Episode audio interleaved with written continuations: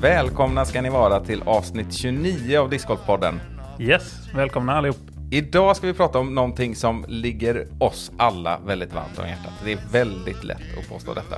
Ja, Det verkligen. här är någonting som förenar oss på väldigt många sätt, vi som är discgolfare. Av naturliga skäl. Vad är det Simon? Ja, det är ju diskarna i sig så att säga. Mm, Eh, Dessa härliga projektiler. precis. Eh, Vi tänkte nämligen, vi har fått några förfrågningar om detta eh, på diverse håll. Önskemål om att just redogöra för och prata om diskar och nörda ner oss lite i, i konceptet diskar och vad det finns för olika typer av diskar och um, plaster och liksom allt möjligt sådär som har med diskar att göra kan man väl säga. Mm. Är, det, är det rätt tänkt? Ja, men det är det väl. Alltså det bygger väl lite på det här temat att eh, vi som är discgolfare Mm. och pratar med någon som inte är discgolfare, det är då vi lite grann upptäcker oss själva. Ja, det är återkommande i många olika teman. precis. Då brukar det ju vara sådär att "Ah, har du 500 diskar hemma? Eller bara någon som kommer på besök och så bara va? När de får se det där rummet som Ja. har helt tagits över av diskar. Och då är ju alltid frågan, behöver man så många? Mm. Och svaret är givetvis nej. Det är klart att man inte behöver. Nej. Men vi, det ligger lite grann, vi är olika, på olika diag diagnosstadier Ja. på något sätt som discgolfare såklart. Att det är många som skulle argumentera emot här att nej, men jag har inte så många, jag säljer av och jag har det. Men vi blir alla lite nördiga, är min förklaring också. Så har man mycket diskar, förmodligen för mycket, jag vet inte var gränsen går. Men en förklaring till det är ju bland annat då att jo, men man kanske vill ha dubbletter såklart. Och sådär. Men en annan är för att det är kul och att det är relativt billigt och det är enkelt och man byter ut och man testar. Och det är viktigt att experimentera. Ja, det är, Ja. Inte, det är inte bara en funktion, eh, funktionalitetseffekt, utan det är även en samlargrej, en Ja. samlaraspekt i många hushåll, Ja, så att säga. Eh, Så, så det är det. Och det där med f- 500 diskar behöver man så många, det kan ju tas ner till 10 diskar om man är ute och går Mm. en runda. Oj, behöver man så många? Ja, det behöver man nog faktiskt då kanske, om man Mm. spelar på åtminstone den här nivån som vi spelar på. Och det beror ju mycket på såklart. Alltså, det kan ju vara en fördel och det kan vara en nackdel och det är individuellt och allt det där. Tanken är att det här avsnittet inte bara riktar sig till nybörjare som är osäkra på hur det fungerar med flight numbers, med eh, plaster och, och olika typer av diskar och sådär. Utan tanken är också att du som inbiten discgolfare och som, som nörd, som mig och Rickard, också ska finna det här intressant. För det är väl bland det nördigaste man kan göra, att liksom grotta ner sig i diskar och dess funktioner. Ja, och det är ju också en sån grej som brukar kunna vara ett svar från mig när någon frågar. Kanske särskilt de som inte är så insatta i discgolf. Just att det går att nörda ner sig hur mycket som helst. Mm. Men du måste inte göra det. Alltså du, det är lättstartat liksom. Du kan lägga det på den nivån du vill. Mm. Det, är, in- det är en materialsport, definitivt. Men det behöver inte vara så avancerat. Det, det krävs inte att du har det specifika intresset. Nej.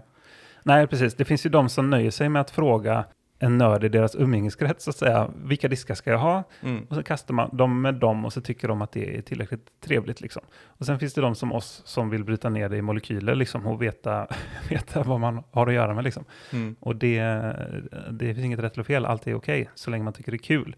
Mm. Because the most fun wins. Just det. Och även om du är väldigt nördig och det finns väldigt många av er som lyssnar som jag kan garanterat säga är nördigare än oss. Japp. Så kan det ju hända att det finns någon aspekt av detta som är intressant och som väcker känslor om det är så att vi kanske ser någonting fel eller vad som helst. Men allting som vi säger brukar ju kunna vara en bra diskussionsgrund. Ja, Vi återupprepar igen då. Hör gärna av er. Om vi ser något fel, om det är något vi borde utveckla, om det är någonting som vi kanske har överanalyserat eller vad som helst. ja. Sökte ni svar och fick fler frågor så, så kan det vara bra att liksom höra av sig så kan vi liksom på något sätt försöka vara Ja. mer pedagogiska. Och jag tror att eh, när många personer har efterfrågat just det här avsnittet, att dyka ner i detta, så kan vi med lätthet säga att vi har inga problem att göra det. Nej, jag ser fram emot det här. Det ska bli kul. Det ska bli riktigt kul. Men ska vi hoppa ner i direkt eller?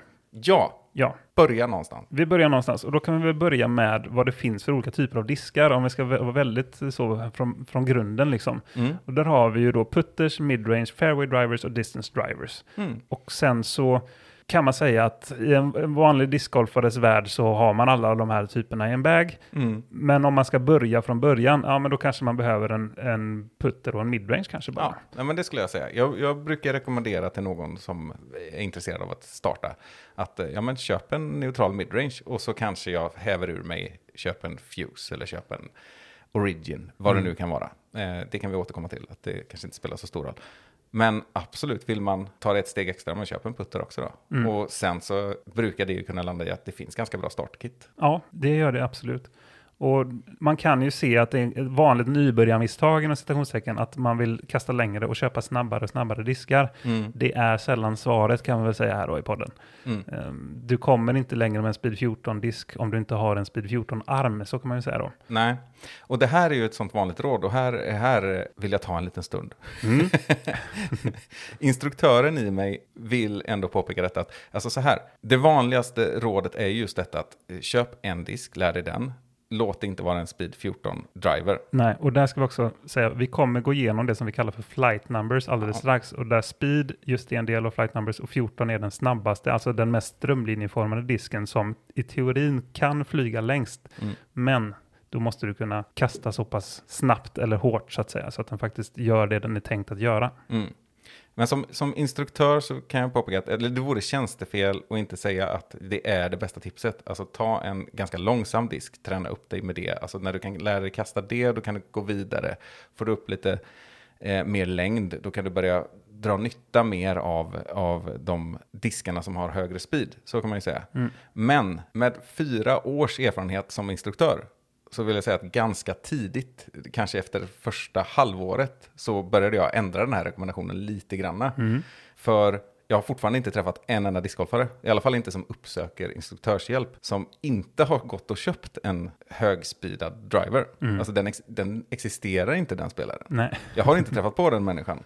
Vi har några exempel på spelare i vår närhet, eh, en i vår klubb som gick in stenhårt ett år med att bara kasta putters. Mhm. Alltså, diskvalificerade alla drivers och bara körde på det. Och det är jätteimponerande. Många skulle nog tröttna till exempel Mm. eh, på att spela och det är ju inte så värdefullt då om Nej. man börjar tycka att discgolf är tråkigt. Men det är ju ett, bra, det är ett jättebra tips och det går inte att säga något annat. Men jag vill nyansera det lite. Det där tipset är så återkommande. Men om verkligheten inte ser sådan ut så kanske man får anpassa det lite. Och då har jag ett exempel på en spelare i våran närhet också då, som frågade det här att nu vill han gå in på börja testa. Han har varit ganska duktig på att använda de långsamma diskarna. Han beskrev lite så här att men nu vill jag testa på någon sorts fairway driver. Och eh, utifrån det här samtalet så sa jag till exempel, ja men gå och köp en FD, en Discmania. Det kunde varit någon annan, Speed Mm. 7 sådär. Men det låter som att det är det du, du vill ha liksom. Några dagar senare så kom han tillbaka och visade stolt upp vad han hade köpt då. Då var det han köpt en FD3 Mhm. eh, och var så nöjd med den också för att den flög så pålitligt och det ena och det andra. Och ett stort problem som man brukar säga med att kasta drivers när man inte är redo, det är liksom att de kompenserar för ens brister kan man ju säga. Mm. De skalar bort kanske dålig teknik. Mm. Det kan man ju vända åt det positiva hållet också. Alltså, då kände jag ju att jag fick påpeka att det du var ute efter var ju någonting att träna upp en forehand med i det fallet. Då kanske du inte ska ha den när du ställer dig och tränar och det är en viktig distinktion. Däremot så kanske du gör bättre resultat med den idag och imorgon eller om du ska möta en kompis och vinna en glass på en viktig runda. Mm. Ska du mycket väl ta den, alltså du ska alltid ta den disken du får, tror att du fått bäst resultat med som du känner dig tryggast med Japp. i stunden. Men när du ska ställa dig och träna och nöta teknik, då är det kanske något annat. Då återgår man gärna till understabila, långsamma diskar för att träna tekniken. Då blir det bättre på att kasta de andra också. Precis. Och där tänkte jag vi skulle dyka in där, för nu har vi redan börjat nämna lite uttryck som kanske alla av er inte känner till. Ja. Och det är exempelvis det här med att säga understabil och överstabil. Och där, för nästa segment vi ska prata lite om är just flight numbers som du kommer gå in på lite mer Rickard. Mm. Men vi kan bara nämna snabbt där att det finns ju just överstabila diskar, understabila diskar och det som jag vill att man ska kalla för neutrala diskar kanske då. Eh, här, de här begreppen blandas ju lite hejvilt. Mm. Eh, till exempel stabil. Att en disk är stabil, det är ju egentligen mer synonymt med just neutral. Ja. Och jag tror det är så som är tanken från början. Men det är många som, som använder stabil för en överstabil disk. Och där kan man säga att om du är en högerhänt backhandkastare så går en överstabil disk snabbare vänster. Mm. Och en understabil disk om den är väldigt understabil disk och du kastar backhand höger så går den oftast höger istället. Då. Mm. Och är du neutral då såklart så går det mera rakt. Och det kan vara bra att ha det med sig, att, att, att liksom tänka på det här med stabil och överstabil. Liksom. Att kanske använda ordet neutralt istället för att man faktiskt ska förstå vad det innebär. Mm. Men eh, den här FD3 som du nämnde är ju då mer en överstabil disk, vilket gör att den är en disk som är bättre i till exempel motvind och sådana här saker. Den är mer pålitlig på det sättet att du vet vad den kommer göra. Mm. Snarare då, ja, då, då den kommer svänga vänster om man kastar backhand, den kommer svänga höger om man kastar forehand. Mm. Och det är som du säger, det är, det är förutsägbart och bra, men det kanske inte är det som är optimalt man ska lära sig teknik då. För att man ser liksom inte de här små eventuella misstagen man gör. Nej, precis. Ehm, så då fick vi red- redogjort lite kort för vad överstabil och understabil är i alla fall. Mm. Uh, understabil disk kan man säga också då är bra om det är medvind generellt sett. För då har diskar en tendens att bli mera överstabila. Ja, de beter sig på det sättet helt enkelt. Mm. Eh, Och det är ju ganska logiskt. Vissa, vissa kan fråga sig varför det är så. Och det är egentligen ganska logiskt för ehm, ju snabbare en disk rör sig, desto, desto mer understabil blir den. Det är ju samma sak, det är ju därför de som kastar jättehårt och jättelångt, som Eagle McMahon och andra, de kastar mer överstabila diskar, för att det, deras diskar kräver det. Mm. Om det då blåser väldigt mycket mer motvind, då blir ju disken också, då, rö- då blir det som att den rör sig snabbare, tekniskt sett. Liksom. Ja, den passerar liksom mer materia. Ja, precis. Eh, Så det, det, det kan man väl kort sammanfatta, att det, det är därför det, blir så. Ja, och motsvarande då om, i, om man har medvind så passerar man mindre mängd luft, liksom. Eh, vilket gör att disken faller, den Mm. tappar lyftkraft och då viker den av. Mm. Det är som när du kastar uppför också kan vi ju nämna, eller Mm. nerför. Alltså nerför så får den ju liksom bibehåller den ju kraft på grund av gravitationen, medan Mm. tvärtom om du kastar uppför och då kommer den bete sig mer överstabilt om du kastar uppför. Precis. Och där är du inne på en sak som gör också att det är klart att det alltid finns undantag i sådana här fall också. Mm. Och just med motvind så tänker man att ja, då blir det mer understabilt och då har den en tendens att svänga höger istället. Men om du har lite, lite nose up som man säger, alltså om du släpper disken på ett sätt så att den inte är helt plan, utan att den främre delen av disken lutar lite uppåt, då får ju istället, då blir det istället en helt tvärtom effekt. Mm. Att då får du så mycket luft under disken som gör att den tappar fart och svänger av vänster tidigare. Så det gäller att liksom ha koll på det, att liksom, det tar inte alltid för en sanning. Liksom att, Okej, det är motvind, nu kommer den automatiskt och, och, och liksom bli rakare eller svänga höger. Mm. Utan det gäller också att ha koll på vinklarna. Och vi kommer också göra eh, ganska mycket förenklingar här. Och eh, det, det, en, ett annat exempel på detta är också, för det är enkelt för många som har eh, hållit på lite grann med den här sporten att känna just det där att jo, men ju hårdare jag kastar den här disken, desto rakare går den, eller till och med kanske flippar över lite, eller törnar som vi kallar det. Mm. Men det finns andra aspekter av detta också, alltså att om du har en väldigt överstabil disk eller en väldigt understabil disk, är du duktig och har ett bra släpp eller liksom en ren teknik, då kan du få de diskarna också att, eh, att flyga rakare genom att du får mycket rotation på dem. Ja. Eh, där har jag ett exempel, alltså Christian Bengtsson är ju en sån här som man kan lyfta fram som har ett fantastiskt släpp Mm. ändå. Eh, och ren teknik och är duktig på det där. Och han kan ju också då kasta nästan samma disk till alla kast. Och jag har- en historia där. jag, har, jag har ju den här blåa fusen som vi har pratat om någon gång. Mm. Som är extremt flippig för de flesta utav oss. Och jag skojade lite om den när vi stod och skulle kasta i motvind en gång på ett 90 meters kast och sådär. Och så testade han den då. Och han kastade ut den rakt, den flög rakt i motvinden 90 meter. Och det är ganska unikt. Det, Mm. det kan inte många av oss göra. Men samma sak gäller också då att han kan kasta ganska överstabila diskar rakt med en fin, bra rotation på disken. Mm. Utan att egentligen kasta dem jätte, jättelångt. Så. Nej, och det har ju mycket att göra också med vinkeln i hans släpp då. Och Mm. det, det har vi inte riktigt varit inne på heller. Det kan vi bara nämna snabbt då kanske. Att har du en väldigt understabil disk och du släpper den platt, ja, men då svänger den höger om du återigen höger backhandkastar.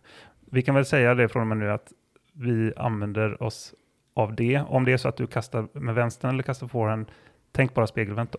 Mm. Eh, Men om du då eh, släpper eh, disken i en vinkel eh, neråt vänster kan man väl säga. Mm. Eh, Så, så att... eh, Alltså yttre tippen neråt kan man, brukar man säga. Ja, precis. Då flippar den upp, som, som det heter då, eh, disken om den är understabil, och går mer rakt istället. Liksom. Och det kan ju också göras tvärtom då med en Anheuser-vinkel om du har en överstabil disk. Mm. Så det beror lite på vad, vad man har för, för eh, vad ska man säga, vad dina styrkor är. Du kan, du kan välja diskar ut efter dina styrkor. Eh, Jag har ju till exempel en tendens att lägga lite, lite heiser på mina kast. Så då är det bättre att jag har lite mer understabilt när jag kastar backhand. Och det är samma för mig också. Jag tror att det är det vanligaste. Mm. Eller jag vet att det är det vanligaste. Men för vi kanske ska gå ifrån detta, för det blir lätt att man pratar om kastteknik nu. Gott över ner oss just det här med diskarna, men det måste också kopplas till just kastningen givetvis. Ja, ibland så behövs det för att man ska förstå dem. Ja. Men, men på tal om att förstå då, flight numbers, vi har varit inne på det. ja, Vad är det överhuvudtaget? Flight numbers är ju någonting som alltid väcker en massa frågor och som det alltid ställs frågor om då i forum och allt vad det kan vara. Och det vanligaste och viktigaste svaret är kanske att man alltid ska ta dem med en nypa salt och att de indikerar någonting och kan vara till, en, till en någon sorts hjälp. De signalerar någonting men de ska inte ses som någon exakt vetenskap och det kan du fråga vilken tillverkare som helst så kommer de säga det också. Ja. Men vi har ju alltså fyra siffror som brukar stå med på de flesta diskarna. Det första är ju då speed. Och vad kan det betyda? Ja, men det signalerar någon sorts potential och som du sa att den är strömlinjeformad på ett sätt och att den liksom har en potential att bibehålla en fart som man sätter på disken längre. Så skulle jag vilja uttrycka det. Det finns en, en tumregel som säger att om du lägger på en nolla på speeden, särskilt då kanske när det gäller drivers, då når du en ungefärlig längd där disken flyger så att de andra siffrorna stämmer. Mm, det är en bra pedagogiskt upplägg. Så för att exemplifiera här då, om du har en speed 7-disk så behöver du kasta åtminstone 70 meter ungefär då, Mm. för att den ska flyga som det är tänkt att flyga. Och tar vi då en FD som exempel, Mm. så har ju den speed 7. Och den har också då som tredje siffra minus 1 som anger turn, det vill säga stabilitet kan man säga. Mm. Siffra 3 och 4 egentligen anger på något sätt stabiliteten tillsammans. Men eh, för att den liksom ska flyga minus 1, om vi säger så då, då måste du kasta den också då, kanske 70 meter någonting. Mm. Det där stämmer ju inte exakt, det har vi påpekat nu. Och samma sak då med en destroyer eller någon annan speed 12-disk. Då ska du gärna ligga på 120-130 meter kanske. Då Mm. börjar den bli minus 1. Går du och köper en, en destroyer och tänker det står minus 1 här, den ska ju flippa över. Ja, men bara om du trycker på den riktigt bra alltså. Mm. Och sen skiljer det ju givetvis mellan exemplar och plaster och allting sånt också. Men det var väl speed då? Ja, nu hoppar jag över siffra Ja. nummer två va? Ja, nej men det var precis, det var ju speed. Ja, förlåt, förlåt, Ja. förlåt. Ja, just det, precis. Ja, du, du, du var snegla på eh, Ja. siffra nummer tre och fyra där. Och siffra nummer två är väl om möjligt kanske ännu mer lömsk. Den pratar om glid, eller glide. Eh, Mm. vad är det? Ja, det kan ju diskuteras faktiskt. Men, men man kan väl säga som så att du får mer distans och mindre kontroll, vill jag säga då, eh, på, en, på en glidigare disk. Ja, jag är inte så säker på det. Jag tänker också att eh, de riktigt, riktigt snabba diskarna, om du har förmågan att kasta dem, då Mm. är de ofta ganska låga i glid. Alltså en hög glidsiffra, det finns ju de som har sex där till exempel. Mm. Det är ofta en ganska långsam disk. Och den siffran hänger ju också ihop med att i högre glid så brukar det också bli en mer understabil disk. Och ja, hänger säkert det, det håller jag i och för sig med om. Och, och det här med att de snabba diskarna är ofta inte jättehög glid. Nej. Men samtidigt så är det om du har en speed 7-disk med hög glid och en speed 7-disk med låg glid. Så vill jag i alla fall, det här med kontrollen tror jag i alla fall känns, känns väldigt viktigt för mig. Mm. Det känns som att det lättare att kontrollera en disk som har mindre glid. Men jag tror Mm. att en disk som har mer glid känns mer nybörjarvänlig på något sätt. Mm. Um, Men jag tror också att det är för att det, jag tror att det finns en direkt korrelation mellan hög glid understabilitet. ja, men du har nog rätt där. Ja, det, Ja, det, ni hör det, det är inte helt självklart det här och det, det är ganska svårt med, eh, med flight numbers. Ja, jag, tror, och jag tror att en nyckel här är just att de hänger så himla mycket ihop Mm. och liksom samverkar. Ja, Och ja, vi hoppar vidare till siffran 3 då som vi redan varit inne på är turn. Eller i första hand det man brukar titta på för att bestämma en disks eh, stabilitet då om vi säger så. Mm. Alltså överstabilitet eller understabilitet eller om den är neutral. Alltså hur den vill ges vika av i höger eller vänsterled. Mm. Har du då en eh, hög siffra där, för de flesta så är ju det noll som är den Ja, det, högsta. det är liksom. där jag tycker att den här liksom, hela funktionen fallerar lite grann. För jag tycker att det finns, borde finnas så många fler siffror på just den tredje siffran, Mm. så att säga. Eller det borde gå högre, det spannet. Men jag tror att det beror på att turn i sig handlar om att du kan inte ha en anti-turn. Förstår du vad jag menar?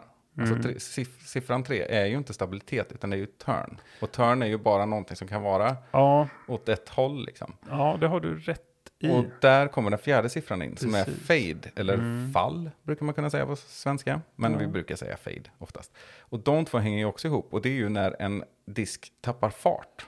Mm. Så i slutet av så har den mer eller mindre krokar ner, så att säga. Mm. Och där, då finns det ju också en annan Ett annat sätt att uttrycka det är att tredje siffran har med högfartsstabilitet att göra Mm. och den fjärde siffran med lågfartsstabilitet. Just det. Och Det är bra resonerat. Ja, och där går också att eh, leka lite med det för olika diskmodeller. Det brukar inte sticka ut så himla mycket, men det finns diskar, utan att jag kommer på några exempel nu, men som kan ha, vara ganska högfartsstabila, överstabila då, men samtidigt ha ganska liten fade. Mm. De är inte lika vanliga som, som andra dock. Men eh, de hänger väldigt mycket ihop med varandra. Mm. Och då, som sagt, för att återkoppla igen då till speeden. Mm.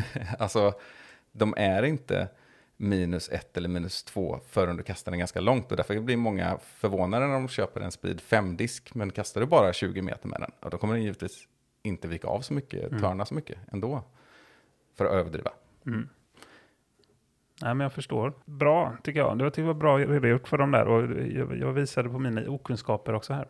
Ja, nej men det, det är en djungel. Ja, det är det faktiskt. Så jag tycker man ska få återigen peka på det du var inne på det där, att ta de här på, med en nypa salt och Mm. bli inte så att säga bokstavstroende på Nej. de här, för det, det, då blir det ingen bra discgolfare vill jag påstå. Nej, Eller åtminstone, du kan inte hantera ditt material på ett bra sätt. Och det, det tror jag är väldigt viktigt. Och det finns vissa som säger att det liksom är en hädelse att man har börjat stämpla de här eh, för siffrorna på varenda disk, just Mm. för att de är så olika. Eh, och det kan man se från tillverkare till tillverkare till exempel. mm. En, eh, en disk från eh, Latitude 64 med en Turn 2 är väldigt mycket mer understabil än en från Discmania med Turn 2 till exempel. Mm. Åt, åtminstone deras original lineup. Ja, och sen, sen tror jag liksom att det ligger en, eh, en poäng i det vi förklarar nu kan ju ge en djupare kunskap kring hur diskar flyger utan att klappa oss själva för mycket på axeln. Men det Mm. kanske är det viktigare att se hur saker hänger ihop och, och hur det påverkar vilken typ av kast du ska välja och hur en disk flyger bra har kanske eh, också värt att påpeka har mer att göra med hur mycket rotation du får på den Japp. än hur snabbt den lämnar handen. Liksom. Mm. Åtminstone lika mycket. Ja. Sådär. Men absolut. Och det håller jag med dig om. Och eh, som sagt, det här med att inte förlita sig på mycket på siffrorna. Att en disk med en viss siffror, det kan vara samma tillverkare till och med. Liksom. Du kan ha Destroyers till exempel då, Speed 12. Jag, har, jag tror jag har, det är nog den disk jag har mest av hemma, för jag, jag är riktig fanboy av Destroyers. Mm. Eh, och jag säger att jag har 25-30 Destroyers hemma. Ja, det har jag med. Och de, eh, det är inte många som flyger exakt likadant om man säger så. Nej. Vissa, det, de vissa- är, den är ju känd för det. Ja. Ja, jo, det, det kanske det är ett extremt exempel, men det finns vissa jag kan rolla med liksom, och det finns vissa som jag inte kan eh, kasta mer än 80 meter med, typ, för att de är så överstabila. Mm. Så det, det eh, finns verkligen allt däremellan. Så, så få en känsla för diskarna i sig. Man kan såklart utgå från flight numbers när du köper för att se att det här borde passa mig. Mm. Och sen får du se om det gör det. Mm. Ehm, så kan man säga. Och sen tänkte jag nu att vi hoppar in i det som heter plaster. ja. För där, de påverkar nämligen också de här sakerna som vi har pratat om väldigt mycket. Och ska man ta det väldigt, väldigt, väldigt basic så finns det just basic eller basplaster och så finns det premiumplaster. Om vi börjar där. Och sen kan man då, kan det balla ur på, på många sätt beroende på vilken tillverkare du tittar på. ja. Men vi kan använda några exempel, så de som vi kan bäst kanske då. Det kanske är Trilogy-plasterna, Innova och Discraft och, och i viss mån Kasta Plast. De här som är, det är väl de mest frekvent använda i Sverige liksom. Mm. Eh, Discmania, absolut. Nya och gamla. Ja, exakt. För den gamla Discmania är ju samma som Innovas plaster kan vi ju säga. Och de nya är delvis samma som Latitude-plasterna. Ja, men där kan man väl säga då att det, i de här premiumplasterna som vi pratar om, där kan man väl säga att det i grunden finns fyra olika premiumplaster egentligen. Sen Mm. finns det ännu fler också, det kan vi också gå in på. Men det finns det som Innova kallas för Starplast och det som i Discraft är ESP vill jag påstå är liknande där. Eller då kanske Goldline i Latitude 64. Det är den som inte är transparent, men den är fortfarande durable, alltså hållbar. Och ganska greppvänlig, men inte, det är inte det den är känd för. Eller då. Ja. Eh, utan den är en sån väldigt in-between-plast som många väljer som kastplast och inte som putterplast. Mm. Eh, sen finns det också det som eh, kallas för G-Star i Nova, eller G-Line i Discmania. Kanske kan jämföras med ESP Flex på, på Discraft. Och det, det är en slags lite greppigare, lite mer flexible, liksom, eh, vad säger man? Mm. böjbar plast liksom. Som vissa drar sig till lite mer under vinterhalvåret. För då har plasten en tendens att strama ihop sig och bli lite hårdare, lite glattare. Det är dock inte alla som följer det här, men, men det är så man, om man ska generalisera kan man säga så. Sen finns det också någonting som heter Championplast i Innova, om jag utgår därifrån. Neoplast va, i Latitude. Eller nej, det är Discmanias nya plast ja. Optoplast. eh, I, i Latitude, ja precis. Och när den, när den är eh, Dynamic Disk så heter det ju Lucid och så vidare. Ja. Och samlingsnamnet för den plasten är Candyplaster. Mm, just det. Och det är en premiumplast som det är den som anses mest hållbar och ofta, om inte alltid, transparent Mm. mer eller mindre, lite beroende på tillverkare och, och, och färg och lite sånt där. Mm. Så den är också ganska vanlig och framför allt för distanskast sådär, och Mm. den typen av, av eh, diskar. Och sen kan man säga att det finns väl en till också som är eh, bubbelplast. Ja, Och det är inte sånt som man får, som man kan poppa. Det är inte den typen av bubbelplast som är inlindad runt en tallrik. Utan en airplast, eller en lättare plast kan man säga. Där de sprutar in bubblor i plasten just för att den ska bli en mer lightweight disk då. Mm. Och den heter ju Blizzard Champion i Innovas lineup. Den kan heta Sea Light i Discraft och eh, Opto Air och så vidare. Ja. Och det finns, även Prodigy har en som heter Air också, så det, det är återkommande. Mm, och den är väl lite så, inte så jättevanlig, men det finns, det finns de som kanske inte har en lika så kraftfull arm som, som kör lite lättare diskar och då kan det vara en bra plast. Den kan vara bra i medvind också, man vill kasta riktigt långt och sådär. ja, och världsrekorden som finns nu och de sista som gjordes var ju just med en sån Blizzard Boss då. Mm. Så även de med väldigt mycket kastarm i rätt vind Ja, så kan det vara gynnsamt. Så det var liksom i runda slängar premiumplasterna. Sen finns det olika specialvarianter som Ecostar och andra sådana här eh, återanvänd eh, plast som Mm. används då. Och det kan man väl slå ett slag för, även om det känns som att det inte riktigt har slagit igenom jättemycket med de typen av plaster. Men det är ju en väldigt fin grundtanke. Mm. Det är lätt att titta på till exempel priser och namn då också, premium, basic och så vidare.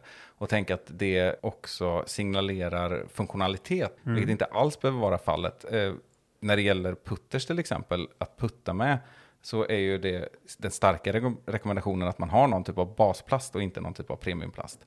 Just på grund av någon generell eh, greppighet och sådär. Men många avancerade spelare föredrar basplaster. Och det kan ju vara en midrange som är betydligt billigare då också. I en enklare plast. Och historiskt vill jag nog också påstå att när championplasterna kom, det här är ju ganska nyss också, vi snackar ju på 2000-talet egentligen. Det var ju inte proffsens första val när det gällde allt heller, utan det var ju snarare så att vi som var lite fattigare och inte hade någon sponsor och inte hade råd att köpa nya diskar hela tiden. Det var vårat val. Förstår du vad jag menar? Alltså att man behövde de här som höll lite längre, liksom att det är nybörjarens disk lite grann. Medan proffsens val var slita ut en, en basplast för att den var skönare att kasta och flög bättre alltihopa. Men kunde alltid ha tillgång till nya utan att det var, gav ett hål i ekonomin. Och för egen del, jag föredrar ju, föredrar ju egentligen att kasta både putters och midrange i basplasterna. Ja. Och där har vi ju riktiga konnässörer just när det kommer till Innova också, just med det här KC Glow och så vidare. Och det finns klassiska rockar som kan gå för mycket höga prislappar. Mm. Ja, men jag håller med dig. Och nu, nu eh, har vi automatiskt kommit in där. Eh, nu har vi redogjort för premiumplasterna, men så kan vi kolla på just basplasterna då, som Mm. du har pratat om här. Och där har du utmärkta exempel på DX, är ju en, en klassisk basplast Mm. från just Innova. Och du har ju varit inne på det, de är ofta billigare, de är greppigare och de är mer vanliga för långsamma diskar. Mycket riktigt så är det. Vi kan nämna till exempel Zero Medium Line, en ganska vanlig basplast på Trilogy-sidan. Mm. Och där är, där är det väldigt mycket tycke och smak. Mm. Liksom. Eh, framförallt då när du ska putta. Vad känns bäst i din hand? Liksom? Det finns många som gillar den lite mer hårda basplasten som kan anses lite glattare. Mm. Och det finns de som gillar den så greppig som möjligt. Och vissa har nästan gummiaktiga liksom, plaster. Eh, så det, det är helt... Det går liksom inte att svara på en fråga vilken, vilken plast är bäst för, för en putter. Liksom. Utan det är så extremt individuellt. Och det kommer vi nog återkomma till här också. Att det är så många sådana frågor som ställs i olika forum. Som, de är inte dumma de frågorna, men de blir ju indirekt det. Men, ja, alltså svaren kommer sällan leda till någonting för trådstartaren. Liksom. Nej, Ja. men exakt. Så, så där, vilken är bäst liksom? Vilken tillverkare är bäst? Vilken plast är bäst? Vilken, det, det finns liksom inget svar på det. Nej, och, och också när det kommer till just de här olika plasterna och greppighet är så otroligt individuellt. Mm. Alltså för många så är ju till exempel en starplastvariant inte är det greppigaste som finns och det som är, passar en bäst. Det kan, eh, alltså jag tänker mig när jag spekulerar här att det hänger ihop med till exempel hur du greppar disken. Vi har Mm. olika grepp, vi är olika, vi olika skapta i hur stora händerna är Mm. eh, och hur, vart man placerar fingrar och sånt där också. Men sen andra saker som, alltså vi har olika fettytor på fingrarna Mm. liksom. Alltså det är ju bara att se på hur eh, olika vi har eh, med handsvett, Mm. hur olika behov av olika typer av kalk. eh, Ja, men den rutinen som man har innan. Vi- Vissa, vissa gillar ju liksom att bara andas lite på disken eller på Mm. handen så att det skapar någon typ av liksom, eh, annan typ av grepp. Med slicka på fingrarna till och med Ja, vissa. det finns de eh, som gör det. Och så, sen finns det ju de som letar efter närma, närmaste liksom grustag, eller på säga. Mm, mm. eller liksom en liten jordfläck någonstans. Ja. Och så finns det de som har med sig talk och så. Alltså den här kombinationen då av alla saker reagerar ju olika beroende på vilken plast det, är och vilket väder det är. Det finns så Mm. många aspekter så liksom, Ja. det, det, det är liksom en hel vetenskap i ordets rätta bemärkelse. Och så finns det massa andra faktorer också att ta in här när, man, när det gäller att liksom välja eh, plaster också. I mitt fall då som gillar de här eh, basplasterna till exempel, gärna eh, midrangear till exempel Mm. i, i dem. Jag måste ju lägga undan dem på vintern och det är en stor nackdel. För de kan spricka annars. Ja. Ja, exakt. Eh, Jag kan inte kasta alla mina rockar på vintern. Jag har fortfarande inte plockat fram dem och nu är vi i mars. Liksom, Mm, för att det, jag tror rekommendationen är, för, alltså från vissa tillverkare, att under 10 grader så får du se upp. Skyll dig Mm. själv liksom. Sen tror jag att det brukar vara, de brukar tåla ganska mycket. Man vill ju inte bli av med sin favoritdisk i ett träd och så är den i två bitar. Japp. Mm. Nej, jag har faktiskt aldrig varit med om det. Men å andra sidan kastar jag ganska lite den typen av basplaster. Mm. Framförallt från TI. Så- Framförallt hårda basplaster skulle jag säga. De som är Mm. mjukare har ju en annan elasticitet Ja. även när det är kallt. Liksom. Men eh, jag har ju sett andra som har kastat sönder sina diskar. Och det är sorgligt. Mm. Nu har ni tum om plaster förhoppningsvis. För att återkoppla lite till det här som vi var inne på, det här med vad är bäst och vad är inte bäst och sådär. Till exempel det här med vilken forehanddisk ska jag välja, vilken, eh, vilken backhanddisk är bäst och sådär. Det är också sådana frågor som återkommer och det är ju också väldigt, väldigt, väldigt svårt att svara på. Jag kan förstå till en viss del, alltså om, om jag ska försöka svara på en sån fråga, då skulle jag säga någonting i det är extremt individuellt så det går inte att svara på, men Mm. Generellt kan man säga att man vill ha en lite snabbare disk för samma avstånd för en forehand jämfört mot backhand. Om någon ber om en rekommendation på en bra forehanddisk, Mm. då kan det ofta också underförstått syfta till att det oftast är lite mer överstabila diskar. Ja. Eller hur? ja, och det, det vill också påstå är, om man ska liksom generalisera och se vad som är mest vanligt, och jag kan titta på mig själv, jag använder ofta mer överstabilt och mer snabbt när jag kastar forehand, om man jämför med samma kast med backhand. Absolut, det är en del av svaret, men återigen, det är så extremt individuellt, och du nämnde Jeremy Colling, Mm. i ett tidigare avsnitt. Han är känd för att kunna använda lite mer understabila slash flippiga diskar när han kastar forehand. Mm. Och det funkar för hans spel. Liksom. Han är ju fantastiskt duktig på det. Så, så det, det, det går inte att, att ge liksom ett rakt svar på det. Nej. Och jag tror också att det hänger ihop med att eh, för många utav oss är det naturligt när man börjar kasta en backhand att man hamnar i en, en heiser-vinkel. Alltså det enklaste att kasta en backhand för de allra flesta av oss är på heiser, alltså att yttertippen är neråt. På en forehand så kan det vara lättare att kasta en heiser, alltså att yttertippen är uppåt, att man flexar på något sätt. Då. Det också skapar olika behov och det, kan, alltså det är ju för att handen är inte lika böjlig kanske åt det hållet, generellt sett. Personligen håller jag med om det, men jag tycker ändå inte att det speglas ute i discgolfvärlden. Jag Nej, tycker det är väldigt mycket så. vanligare att folk kör antingen flat release eller heiser release när det kommer till forehand. Alltså, ja. Det är väldigt sällan man ser forehand flex eller turnover sådär på coverage och även på banan tycker jag. Mm. Förutom att jag själv använder det faktiskt en hel del. Och, och för mig är det så, nat- det är så mycket mer naturligt att om någon ger dig liksom en sten eller vad som helst och säger kasta den här så långt du kan. Mm. Då kastar man ju som att man kastar en forehand anhyzer. Mm. Det är den positionen du har på din arm och på din hand. Liksom. Mm. Det är liksom där uppe du vill vara för att få så mycket kraft som möjligt. Och därför förstår jag inte att det är så onaturligt för många att Nej. kasta så. Utan jag tycker att det är det mest naturliga själv. Det är inte så att du liksom ska kasta macka, som det heter, eller, eller eh, vad, vad kallas det mer?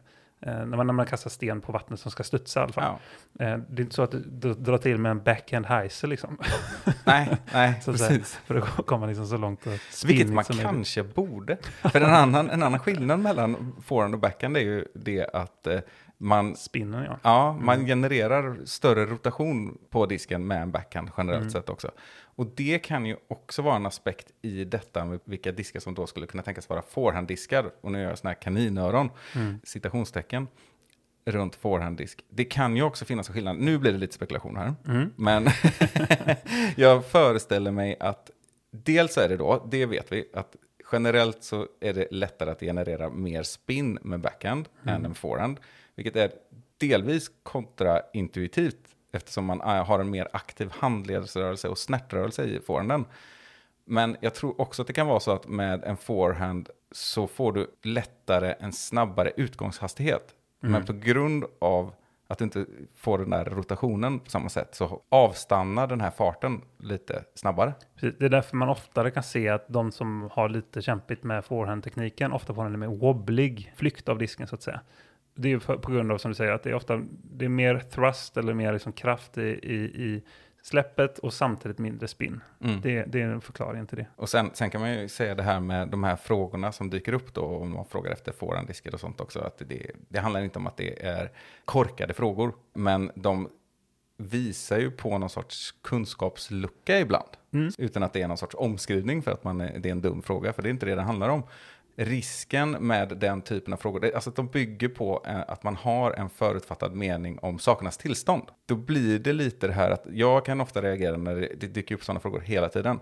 Det blir lite som när folk frågar vilka är den bästa skon? Och nu är det många som kan känna sig träffade här.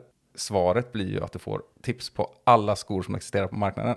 Och då är frågan vad du fick för hjälp där. Ja. Det kan ju hända att man fångar upp någonting, att det är någon, att man skriver något mer specifikt, så här, jag har breda fötter och så vidare. Och att du, många får hjälp i ett sånt råd liksom. Men risken är att du får så många olika svar på den typen av frågor så att det blir menlöst. Ja. Det kan ju hända att liksom trådskaparen så att säga faktiskt är ute efter att höra vilka är era favoritskor. Mm. För det är, ju, det är ju indirekt det som svaren blir i alla fall. Ja, och det kan bli ännu tydligare om man då ställer en fråga av typen vilken är den bästa midrangen? Du kommer få svaret alla modeller som någonsin har existerat i stort sett. Alla kommer att vara representerade i en tillräckligt stor grupp som har tusentals medlemmar. Ja, men då kanske trådskaparen istället sammanställer och ser vilken har fått flest. Mm. Liksom sådär. Och då är Ja. väl det kanske något typ av svar. Då. Ja, Men- absolut. absolut. Men, men, eh, men ja, så är det. Och det, det är lite samma det här med eh, tillverkare också. Liksom. Där skulle jag vilja slå ett slag för mixbagen. För där är det, det är ganska vanligt det här att man hör vem som helst egentligen som inte är sponsrad av en disktillverkare som känner att de vill låsa upp sig, vilket det blir då, till en viss tillverkare. Och liksom sådär, ja jag måste byta ut min Fuse mot något motsvarande hos Discmania. Så att säga. Och då, då, då kan man säga, men, men varför? Det är den enda fördelen du har gentemot proffsen som är sponsrade och är tvungna att kasta en viss plast. Den enda fördelen du har är att du kan välja och vraka mellan alla diskar. Ja. Jag har lite, för svårt att, eh, lite svårt att förstå varför, men jag kan också såklart förstå att man, man, blir liksom ett fan av ett märke, liksom, och man vill representera det man tycker är bra och tycker det är trevligt. Liksom, sådär. Men till en viss gräns kan jag tycka. Ja, och eftersom jag, min uppgift här blir lite grann att eh, komma med invändningar då. Nej, men jag kan, jag kan ändå tänka att det beror på ett antal olika saker. Dels så kan det ju handla om en viss begränsning av praktiska skäl. Att vissa tillverkare har så många modeller som fyller de flesta luckor eller eh, syften eller funktioner i en bag. Och att man då väljer en enkel väg liksom att eh, testa dem. Och sen så kanske utifrån det då ett år eller två år senare så kan man då komma på att men det här behovet har jag. Då kan jag leta efter det någon annanstans kanske om det inte finns hos den tillverkaren. En annan sak kan ju vara att man måste ha någon sorts begränsning och man föredrar en viss tillverkares plaster utifrån det här individuella liksom. Jo, och det, det förstår jag helt. Men om du redan har någonting i bagen som du tycker är skönt och bra att kasta. Ja, exakt. Nej, nej precis. Det exemplet är ju jättekonstigt. Ja, Ja. absolut. Men, men annars håller jag helt med om det kan vara smart till och med ibland att, att man måste begränsa sig. För att det, det märker man ju på det här avsnittet. Vi har bara rört toppen på isberget och bara alla plaster till exempel. Mm. Och jag menar det, det, är, det är overwhelming att sätta sig in i. Mm. Så då kan jag verkligen förstå det där med att nej men du, jag satsar på Innova eller jag satsar på Latitude Mm. och så, och så liksom lär man sig hur det funkar. Det är absolut, det är jättesmart.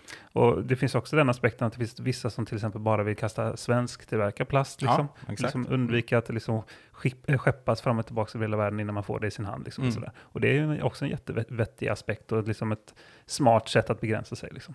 Och det här får ju in oss på ytterligare en grej då. För att många skulle ju, eller vissa skulle ju rekommendera att eh, använda ett fåtal modeller. Och det här är, kan ju vara eh, som ett svar på en nybörjare, nybörjares fråga. Alltså att eh, det finns ju väldigt renodlade spelare. Vi har ju pratat med Philo, vi har pratat om Philo. Han vill ha sin Aviar, Rock, T-Bird, Firebird. Och så sen har han ju vissa andra modeller då upptäckte vi också. Han kastar ju en del Millennium-plaster och sånt där. Eller millenniummodeller Millennium-modeller och sånt. Så det blir ju några stycken totalt sett. Men han klarar sig väldigt mycket på egentligen kanske fyra eller fem modeller. Som är de klassiska, som har funnits länge också. Där kan jag ju invända mot mig själv också. Ja. Jag, jag är ju också en sån som, jag upplever att jag kan kasta väldigt många olika modeller. Jag kan ganska snabbt föra in en modell i bagen. Jag kan ha med mig många olika modeller och exemplar av dem och byta ut nästan en hel bag från en runda till en annan på samma bana. Men Det kanske också är någon sorts egenskap man bygger upp med tiden. Jag vet inte. Mm. Alltså jag skulle nog också i vissa fall kunna ta in en disk som är ganska okastad av mig. Liksom. Mm. För att på några kast, vissa modeller är ju lättare att snabbt fatta med några testkast. Mm. Men den här funkar, den här kan jag byta ut mot den om jag tappar bort en disk eller vad det nu kan vara. Och ibland är det jättemycket svårare. Vissa exemplar går ju inte att ersätta, känner man ju i alla fall. Mm. Ja, exakt. Och sånt kan ju ha med självförtroende att göra. Ja, jo, man kan liksom bli kär i en disk på, på mer än ett funktionellt plan. Så ja, nej men så att det är ju, det är ju alltså den där att begränsa sig till ett visst antal modeller, eh, oavsett vad det har för märken och sånt att göra, det finns en, en visdom i det. Samtidigt som om man återkopplar då återigen till det här exemplet med personen som, eller att vi alla köper de där höga speeder, överstabila diskar innan vi kan hantera dem. Att man fortfarande kan dra fördelar av det. Man kan också säga att det är väl kul och bra att experimentera. Ärligt talat. Ja, alltså det testa mycket också. olika. Ja. Så länge du gör saker medvetet och med någon sorts analysambition Mm. så kan ju det vara jättebra. Och det är ju kul. Ja, Alltså det är ju ofta det man känner så här, ah, jag kan inte hålla mig från att beställa den här och den här disken och så köper man saker som, det kanske inte alltid går att motivera, men att experimentera är ju bra. ja om det, om det krävs för att du ska fortsätta spela discgolf ja. till exempel, då är det ju liksom en no-brainer så att Ja, säga. exakt. Då, då får du fortsätta med det och då blir det såklart utvecklande i sig. Liksom. Ja. Och då kommer det bli en bättre discgolfare. Men för att återkoppla lite till med Philo och hans, liksom att han har som kanske fem stycken rock Mm. i samma plast i sin bag. Det, det nuddade inte så mycket när vi gick igenom plasterna, vilket vi borde gjort faktiskt. Och det kan vi göra nu då, att baseplaster då, till exempel som DX eller någonting annat, de spelas in som man säger mycket snabbare Mm. än premiumplaster som till exempel championplast. Och de skapar liksom nya egenskaper då för varje gång man kastar dem nästan i stort sett då, Mm. om man ska liksom hårdra det. Och att de blir ofta då generaliserade här, men det är ju 99 fa- fall av 100 så blir de mer understabila ju mer du kastar med dem. Ja. Medan då till exempel en premiumplast kanske håller sin grundstabilitet mycket längre än en bas, en disk i basplast. Ja. Och det är ju också på gott och ont i båda fallen. Liksom. Ja, Alltså, precis. Premiumplasterna tar ju ett jäkla tag helt enkelt ibland att Mm. spela in tills där man vill ha dem. Men å andra sidan så behåller de ju också det där Precis, spannet. Alltså, precis. jag har ju, som jag har pratat om många gånger, men jag har en PD i bagen som Mm. jag har haft i ja, snart tio år nu då. Och den har ju utvecklats med mig hela tiden. Jag kan ju inte minnas att den blir flippigare från ett år till ett annat under de här tio åren. Utan Mm. eftersom jag kastar den så regelbundet också så hänger jag, jag lär mig hela tiden hur den flyger liksom. Precis. Och då kan man säga så här, jag förstår verkligen vikten av att ha den disken för dig. Det är inte så att du inte kan ersätta den genom att köpa till exempel en, idag kanske det är nästan en TD. Mm. Men problemet är att den kommer flyga som den här disken du har. För du kan hitta någon disk på hyllan som flyger exakt som den här.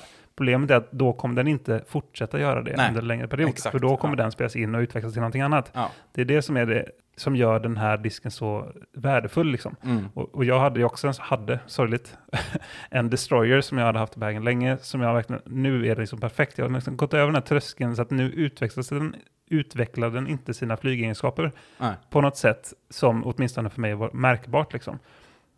Och samtidigt så liksom var den, eh, och det liksom landade i ett sånt läge där den var perfekt för mig liksom, i mina så här, max distance-kast. Den var fortfarande kontrollerbar men jag kunde kasta den jättelångt. Mm. Det var ju den för övrigt som flög, flög ner i Göta älv när jag träffade en lyktstolpe på hål nummer 15. Ja, precis. Mm. I, på Restagård.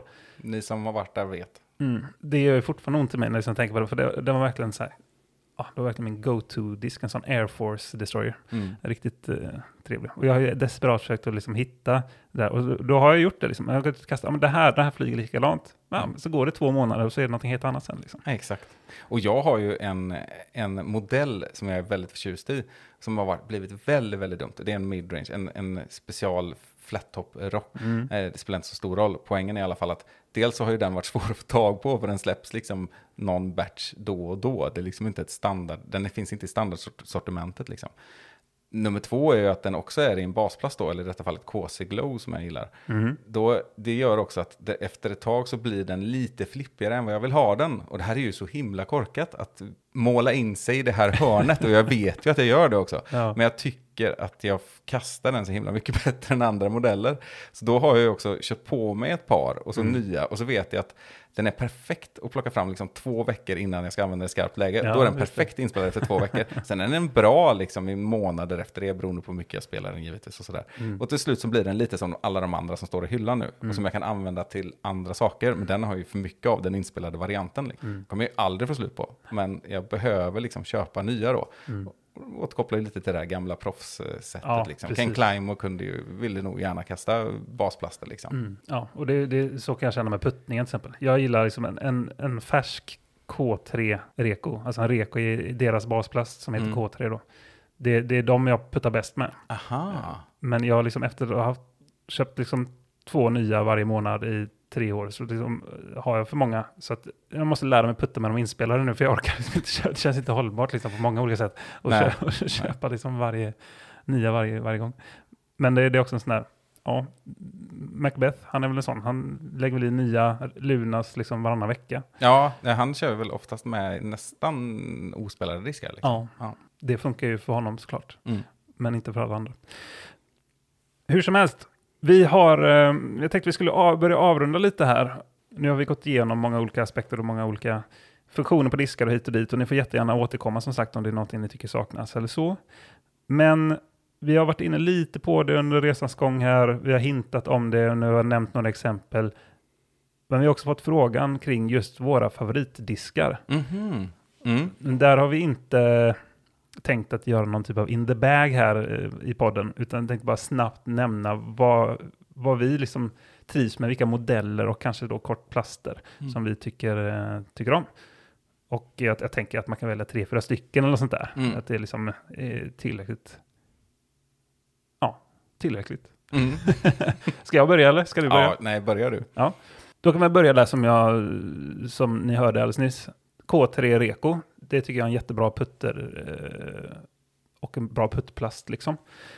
Men där har jag också, jag har liksom bytt putters många gånger så sett, men just nu så trivs jag med den. Sen finns det ju, det märker man också ute på Pro Tour- Touren sådär, det spelar inte så stor roll vad man har för putter så länge den känns bra i handen egentligen. Mm. Den, den flyger ganska likt de flesta andra liksom. Eh, så är det. Så hitta det som ni tycker är skönt bara och så kör på det. Midrange, där har jag en fallenhet för bass. Väldigt mainstream på det sättet. Det är väl en av de mest populära diskarna genom alla tider. Men eh, en Speed 5 då kan man väl säga. Där jag tycker att Z-plasten är eh, väldigt trevlig i just, just för bass. Men även, jag kastar även ESP. Men jag kör väldigt lite basplaster i midrange då faktiskt. Till Mm. skillnad från vissa andra. Mm. Och där finns det ju då både den som heter Bass SS som står för super straight, vilket då innebär att den är lite mer stab- stabil eller neutral då ska man säga då. Och eh, neutral till understabil snarare. Den går ganska rakt och eh, kastar du den hårt så törnar den liksom. Ehm, Och sen finns det också det som heter Buzz OS som är, eh, står för overstable, som då beter sig tvärtom kan man säga. Och jag gillar att använda alla de här tre, för att trots att de är så olika flygegenskaper så känns de väldigt liknande för mig i alla fall att hålla i handen. Och det är en Mm. trygghet tycker jag. Och det är heller ingen bid på de här, vilket är en slags kant kan man säga längs rimmen som vissa tycker är skönt och vissa inte tycker är skönt. Jag, jag tycker inte det är skönt, i alla fall på kastdiskar. Nej. Jag kan tycka det är helt okej på putters. Och om vi ska ta och välja två drivers kanske, så kan jag väl säga att eh, Destroyer, som ni har hört, tycker jag är en jättebra disk för både backhand och forehand.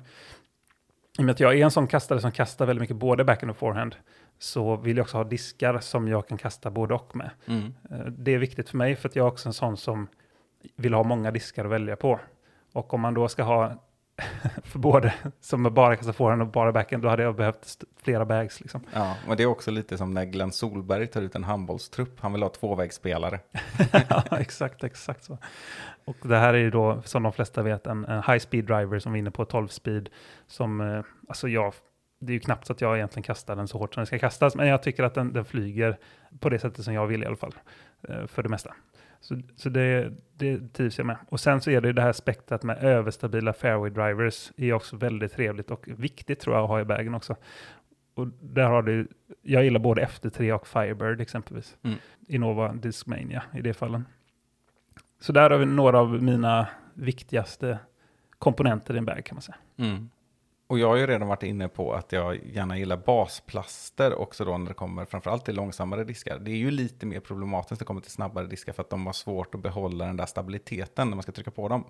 En destroyer i Pro-plast eh, är inte alls samma disk och du Nej. kommer inte kunna använda den till den typen av saker. Men eh, när det gäller putter så kastar jag eh, ett antal olika modeller och vissa som ganska mycket överlappar varandra. Och där blir det mycket just det här spela in på olika sätt och jag har diskar av helt olika modeller egentligen som också är nästan mina dubbletter så att säga. Som Mm. de kan byta ut den ena till den andra. Men generellt skulle jag säga att jag föredrar ju väldigt mycket långsamma putters. Alltså putters är ju av naturen långsamma. Det finns ju snabbare och långsammare. Alltså jag kastar mycket Rhino till exempel. Har gjort alltid egentligen.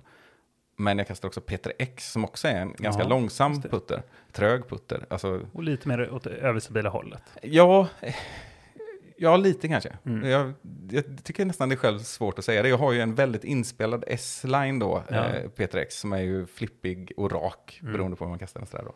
Men den kan jag också byta mot min mest inspelade Rhino, så det är sådär lite att Mm. de kan bero på situationen och vad jag känner. Och det kan också ha, där kan man ju också välja då utifrån att den ena är mjukare och kanske landar på ett annat sätt Mm, ja, och sådär. exakt. Ja, jag menar, tillverkarens intention så att säga är ju ändå att de ska vara åt, på det överstabila Ja, lite så. vill Ja, jag påstå. jag och det, out ja. of the box är de ofta lite mer överstabila kanske då. För Ja. att vara putters alltså då. Ja, och när det gäller just Rhino så kastar jag ju uteslutande nästan R-Pro-plasten då, som är Mm. den absolut mest lätt inspelade. Så Mm. de blir ju ganska raka.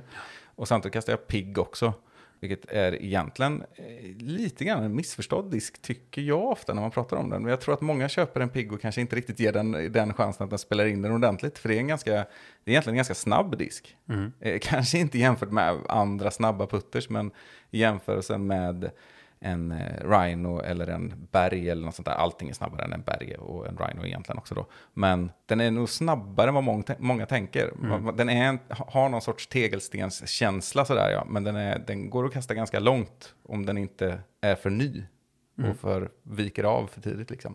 Sen om det kommer till, när det kommer till midrange så, så är jag väl lagd, jag, nu pratar jag lite mer genrer här känner jag också, Mm. men Det var jag, inte jag, det som var meningen. Nej, jag vet. Men jag, jag kastar, jag har ju kommit på mig själv med att jag kastar nästan bara ganska neutrala midrangear. Mm. Och det tror jag är ganska positivt att det är så. Lite Bengtsson. Ja, precis. Det är ju, det är ju målet. Jag hoppas, att han, inte lyssnar. Vad roligt var Bengtsson. ja. Det är sällan jag i alla fall plockar upp den där jätteöverstabila midrangen ur bagen. Liksom, Mm. faktiskt. Även om jag kan ha med någon MD5 eller något sånt där då, motsvarande. Men, Favorit midrange. Eh, rock. Snyggt. Ja, det har jag ju sagt, en sån flat Ja. rock. Men egentligen alla typer av rockare. Rock 3 kastar jag typ inte Mm, alls. nej. Aldrig. Nej, det är vilket är konstigt, för det är ju det mest populära. Ja, det känns som att den borde passa dig också på något sätt. Ja, nej men en, ge mig en DX-rock. Så, Mm. Skrattar du hela vägen till fairway så att säga. ja. Nej men det var ganska simpel i, min, i mitt kastande eller val av diskar där kanske. ja. Nej, sen, sen, sen tycker jag nästan det blir ointressant. För det är precis som du säger, jag har också FT3 eller Firebird. Man Ja. behöver någon sån här överstabil variant. Jag har upptäckt att det är också så här exemplarbundet. Att jag har eh, Firebird som gärna skippar mycket. Mhm. Och det är användbart. Men då har jag också FT3. Och de FT3 och jag har, nästan varenda en, de är helt skipplösa. Vi ska inte gå in på vad det kan bero på. Det kan ju vara bara eh, exemplaren eller att jag kastar den på ett visst sätt och sådär. Men då kan man ju använda dem också till olika saker. Mm. Att den biter i FT3 liksom, på något Mm. sätt. Kan det också vara, om jag skulle vara lite cynisk, att, att det på något sätt har blivit en självuppfyllande profetia? Att du har börjat tänka på det, så därför lägger du märke till det när den inte skippar och så tänker Ja, att den inte skippar kanske. med. För Ja. min, jag nämner också kastar väldigt mycket både och och tänker att de är väldigt, väldigt liknande Mm. liksom, hur de beter sig. Ja, men det, ja, ja, ja, de ska ju vara väldigt lika. Mm. Sen, det, det, det har ju också utvecklats så då kanske också, att jag, jag spelar ju in mina FT3 väldigt, väldigt mycket, så jag kan Mm. använda dem till rakare kast och sådär. Medan mina Firebirds vill jag ha väldigt överstabila. Ja, de ska använda till mer specifika saker Alltså, då. du har liksom format dem till att de ändå ska vara olika saker i din bag. Så. Ja, Mm. och så har jag dem inte alltid i bagen samtidigt heller. Nej. Nej, och sen tror jag att alla, alla discgolfare som kan kasta en bit över 100 meter gärna vill ha den där speed 12-disken som är Mm. en klassisk destroyer. Men Mm. i mitt fall så har det gått mer åt att jag har DD3 då. ja, just det. Eh, sen har jag ju fattat tycke för en Millennium-disk som heter Falcon. Just det. Och den gissar jag väl har en Innova-motsvarighet, men jag vet inte exakt vilken det är. Men den är ju, det är ju inte en Boss, utan det är en lite mer understabil variant, men en, Ja. en mer speed 13, 14 någonstans. eh, Jag tror till exempel Philo sa när vi pratade med honom att det är som en lite mer understabil destroyer. Ja, men så kan det vara. Och jag tror den har någon extra siffra i speed också. Mm. Men eh, för den som är mer Star Wars-intresserad än mig så är det ju en bra disk också. Eftersom det är märket Millennium och modellen Falcon. Ja. ja, det är faktiskt lite roligt. Nej, sen har jag den där PDn Ja, som jag aldrig kommer släppa om inte någon drar den från mig eller vad det nu är. Det, men det är ju det är också fråga om ett exemplar, för den flyger ju inte som en PD. ja nej, jag, jag själv, ba- bara jag bävar inför den dagen när du eventuellt tappar bort den. Jag kommer kanske sluta med discgolf. Och det är ju hemskt, så här får man inte vara. Det känns som att jag vill inte vara spela med dig under den rundan i alla fall, där det eventuellt skulle, skulle hända. Nej. Av flera skäl, för jag hade fått leta i två dygn. Ja, ja visst. Och den har jag ju letat efter länge. Det här är, det, alla kan se det här framför sig på något sätt. I, när det egentligen har blivit för mörkt och det brasslar i liksom, buskagen och jag är fortfarande ute. Och den har, jag har blivit av med den flera gånger. Ja. Men vad som är ännu värre, det är att jag hade två likadana. Oj, Jag vann kvar, ja. Båda två samtidigt på Mm. klubbmästerskapet 2012 i Stenungsund. Och den ena lämnade jag liksom bara. Mm. Ofta så jag blir av med diskar, Mm. att jag kastar många diskar och så inte räknar ordentligt och bara lämnar den på en gräsyta och så är den borta.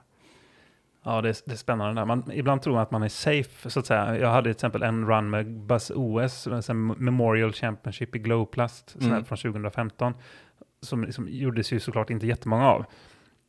Så jag lyckats så här, liksom, hitta på aktioner och liksom, så här, fråga mig fram. Och det var någon i klubben som hade någon. Liksom, och så. Så till slut så lyckades jag samla upp ett lager inom citationstecken på fyra, eller kanske till och med fem stycken. Mm. Det var som så här, ja, nu, har jag, nu måste jag ändå vara all set. Liksom så här. Och sen tappade jag bort två stycken på typ två veckor. Ja. så var det helt plötsligt bara halverat. Exakt. Eh, Så blir man genast orolig. Vi är ju inte sponsrade av några märken här nu. Nej. Och vi ska vara helt öppna med att krossa vissa bubblor här. Men det är inte så jävla stor skillnad mellan märkena. Nej, verkligen inte. Alltså de flesta märkena har motsvarigheter till modeller och nästan rena kopior. Men jag vet också att det finns tillverkare ute som säger det här nästan öppet. Alltså Mm. producenter av diskar att Det är samma skit. Ja, men lite grann så. Det, det kommer säkert gå att hitta nya modeller i någon sorts oändlighet Mm. kanske. Och ny teknik och det kan vara. Och utvecklingen har ju varit enorm. Men ärligt talat så... Ja, vill du kasta svensk plast och gilla Latitude 64, köp en Explorer om du vill ha en T-Bird till exempel. Ja. Jag gillar inte Explorer. De, är Men- på, de är på pappret likadana ja, i stort sett. Och, och där kan man ju, jag tänkte att det kan bli en sista sån här medskick här. Ja. Eh, att om ni är nyfikna och vill nörda ner ännu mer i det här och just kolla på skillnaderna som Rickard är inne på här, skillnaderna eller snarare likheterna blir det ju då Mm, ofta mellan de olika diskarna hos de olika tillverkarna, så kan man gå in på PDGAs hemsida och kolla på deras, till exempel deras PDGA approved list som det finns, Mm. där man kan se vilka release dates olika diskar har, nya diskar som kommer ut och även historiskt sett. Alla diskar som någonsin har blivit PDGA-godkända finns ju med på den här listan. Mm. Och där kan man också eh, hitta då mått på själva eh, liksom utformningen av disken så att säga. Mm. Vad är det för diameter, vad är det för, eh, hur, hur djup är rimmen och så vidare och så vidare. Och så kan du jämföra och se liksom att, ah, okej, skillnaden mellan en Firefly från Innova och en P2 från Discmania är typ 0,2 mm i någon av hänseendena bara för att det måste vara en skillnad. Mm. Men syftet med just den var ju att Nate Sexton inte fick kasta P2 längre och han ville ha en P2 och då gjorde de en som i princip är en P2. Mm. Och det går ju att hitta liknande exempel överallt. Det Ja. är lite det du är inne på. Och just P2 finns ju så många olika exemplar då också. Alltså en, en alpacka då, från Infinite Discs är det väl? Mm. Det är ju en P2. Alltså det är stöpt i samma form Mm. liksom. Eh, bokstavligt talat väl till och med, tror jag. Det är mycket möjligt. Jag vet faktiskt inte. Jag vågar inte säga det. Nej, Alltså, inte nu längre väl? Nej det, så är det väl. Men och sen har vi ju samma sak då att en Omega 4 eller vad det nu är, någon av de här Omega-diskarna från Millennium, det är också en P2. Alltså Mm. det är exakt samma form. Mm. Det finns ju andra exempel då som man kan ta, även om vi inte skulle lägga för mycket vikt vid flight numbers, men alla tillverkare har i princip en midrange som är 5502. Ja, Compass Bass till exempel. Ja, Mm. Ja, men bra. Då vet ni vad ni ska läsa i natt. eller ikväll eller i morse, eller vad säga. Men eh, någon gång i alla fall. Och eh, så vidare. Jag tror, nu har vi pratat eh, ett tag här i vanlig ordning. det, det är ju väldigt trevligt. Men tänker, det, det är nog ändå dags att runda av. Vad tror du Rickard? ja jag tror definitivt vi får nöja oss så här. Jag tror att alla eh, vi som håller på med den här sporten, det var väl där vi började någonstans, hade kunnat prata om diskar i oändlighet. Så att Ja. vissa människor i vår omgivning skulle kunna strypa oss. och jag hoppas Ja. att ni inte vill strypa oss nu, men det finns mycket mer att säga och mycket har varit självklarheter. Men ja, ställ frågor och så kan vi ta reda på svaret om vi inte vet. Och påpeka om vi har sagt någonting knasigt. Ja. Eller något bra. Ja, ja gärna det. ja, så är det. Vi är tacksamma återigen för att ni har lyssnat på oss och vi hoppas att vi hörs och ses framöver. Ta hand om er där ute så hörs vi. Ciao! Ciao!